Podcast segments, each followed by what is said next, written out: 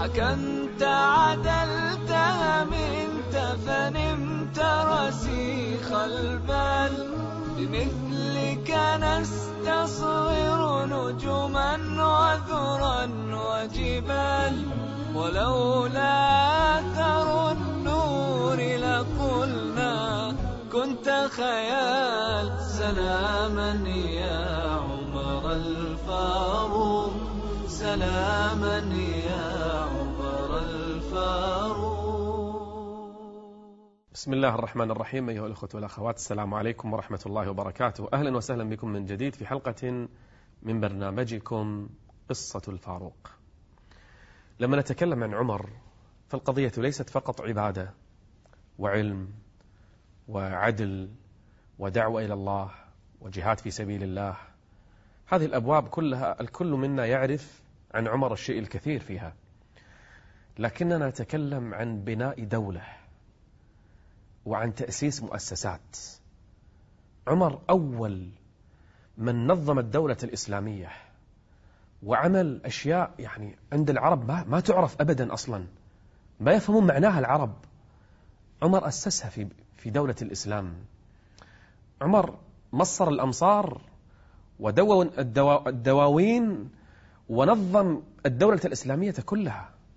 راح نذكر بعشرة دقائق فقط لمحات. وفي كل جزئية يتكلم ألفت فيها مؤلفات. بل إلى اليوم إلى اليوم بعض ما عمله عمر الكل كان يستغرب خلال عشر سنوات ونصف تقريبا. حكم فيها عمر بن الخطاب كيف فعل ما فعل هذا كله. أي بركة في الوقت هذه؟ عمر من أهم القضايا اللي سواها عزل القضاء. يعني شنو؟ خلى الحكم بروح والقضاء سلطة القضاء لوحدها. ويليت يليت القضاء عندنا اليوم يقرأ رسائل عمر بن الخطاب للقضاة في ذلك الزمن. كيف كان يختار قضاته قضاته أول شيء؟ وكيف كان وما هي شروطه في قضاته؟ في كل ولاية يحط له قاضي. وشنو الشروط؟ شروط القاضي عنده. وما هي نصائحه للقضاة؟ حتى كان يقول للقاضي آس بين الناس في مجلسك ووجهك. يعني إذا إذا جلست لا تجلس أقرب من واحد وأبعد من واحد. خل المتهم وال وال والداعي عليه ومن يدعو عليه يعني المذنب والثاني الذي يتهمه خله في نفس المكانة من مجلسك ووجهك بعد. آسي بين الناس في مجلسك ووجهك حتى لا يطمع آه، يعني غني أو شريف في حيفك ولا ييأس وضيع أو فقير من عدلك. إياك إياك. أنك تقرب هذا ولا تبعد هذا ولا. عمر مو بس كذي. عمر جاء للقضاة فرض لهم رواتب. ورواتب مجزية علشان يستغنون. عن الناس. يدري شنو القاضي عمر؟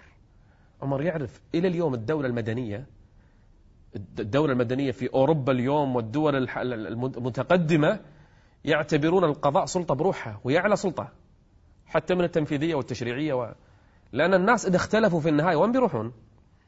لو الشعب والحاكم اختلفوا لو الشعب نفسه اختلف لو الحكومة نفسها اختلفت يفترض من الذي يفصل؟ القضاء صح ولا لا؟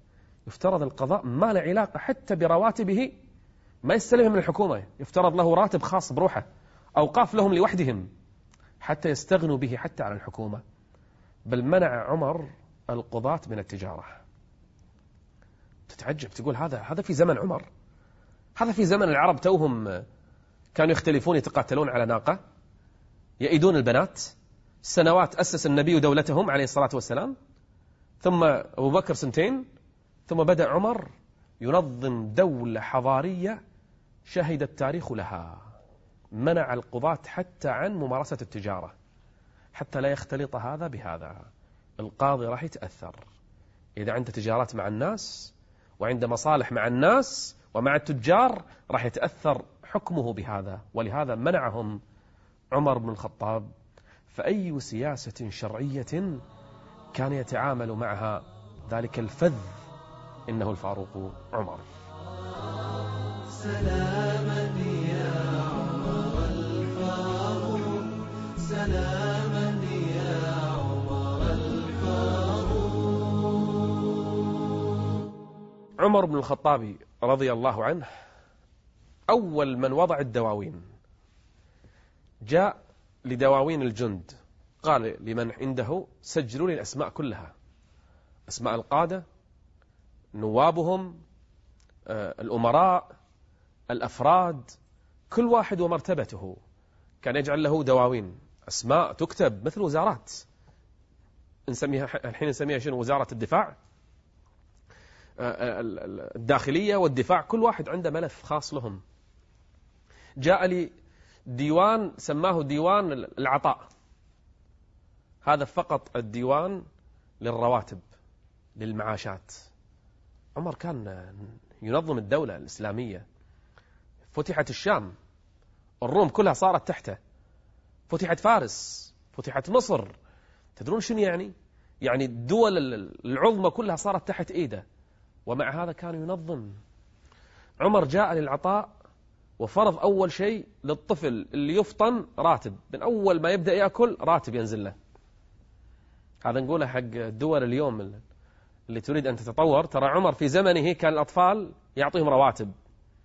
فلما شاف النساء يفطمن الأطفال قبل الوقت فرض الراتب من أول ولادة. الكبير بالسن اللي ما يقدر يعمل له راتب. حتى لو كان غير مسلم أدخل فيهم غير المسلمين. يسقط عنهم الجزية ويعطيهم رواتب أيضا اللي يعيشون في دولة الإسلام. هكذا كان عمر. عمر ليس فقط هذا. بدأ يؤسس المدن.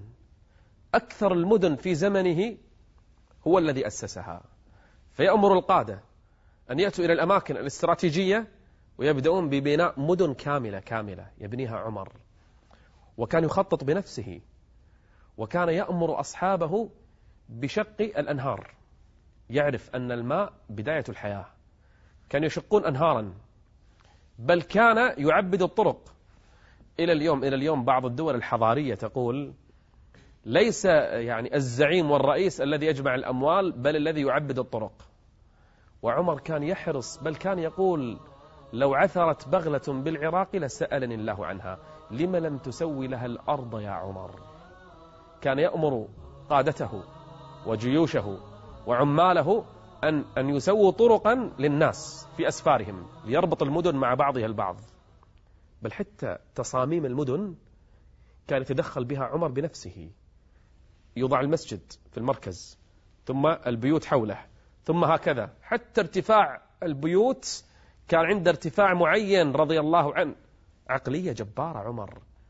شفتوا بين مكة والمدينة؟ سوى طرق وأمر باستراحات.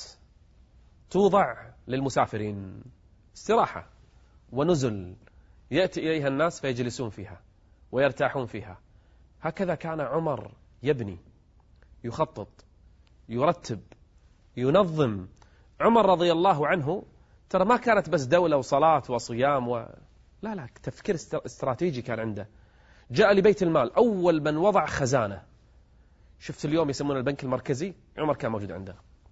خزانة لبيت مال المسلمين. هذا بي... هذا مال الفقراء هذا مال يصرف فيه على الدولة. وكان يأمر عماله مرة بالسنة مرة بالسنة لازم نغسل البيت ننظفه كله نكنسه. ما نبقي فيه شيء. علشان ما يحول عليه الحول إلا والأموال كلها أخرجت للفقراء والمساكين. عمر رضي الله عنه كان يرتب كل شيء في دولة الإسلام. نعم هو يعني لتنظيمه الدقيق أحيانا كان عنده يعني آه، متابعة لصغائر الأمور قبل كبارها أحيانا. ولهذا العزل الأول لخالد كان لهذا السبب. لأن جاءه لا تريد أنا أتدخل بكل شيء عمر. كان يخاف على دولة الإسلام. ولهذا صار العزل الأول لخالد لهذا السبب. لأن عمر كان أيضا حتى في تحركات الجيوش يتدخل. ولهذا بنيت دولة قوية عظيمة متماسكة فيها الدواوين فيها الأسماء فيها الوزارات فيها التنظيمات فيها المدن بنيت بل أمر ببناء المستشفيات عمر. في زمنه تدرون شنو كانت أوروبا؟ شنو الضلال والظلام اللي كانوا عايشين فيه أصلا أوروبا؟ كان عمر يأمر ببناء المستشفيات ورعاية المرضى بل حتى البهائم عمر كان يهتم بها. عمر ما ترك شيئا في بلاده إلا ونظمه. إنها السياسة الشرعية. تعامل حتى مع غير المسلمين تعاملا طمع به غير المسلم قبل المسلم. وسوف نعرف لما دخل الشام وفتحت واستلم مفاتيح القدس كيف وقع وجعل معاهدة عمرية ما أجملها. جعلت اليهود يعيشون في بلاد المسلمين والنصارى أجمل حتى من بلادهم. رضي الله عن عمر الفاروق كيف أسس دولة الإسلام وبنى حضارة الإسلام وأرسى قواعدها.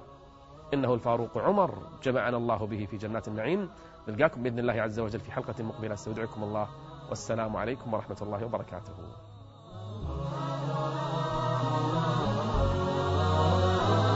ملأت العالم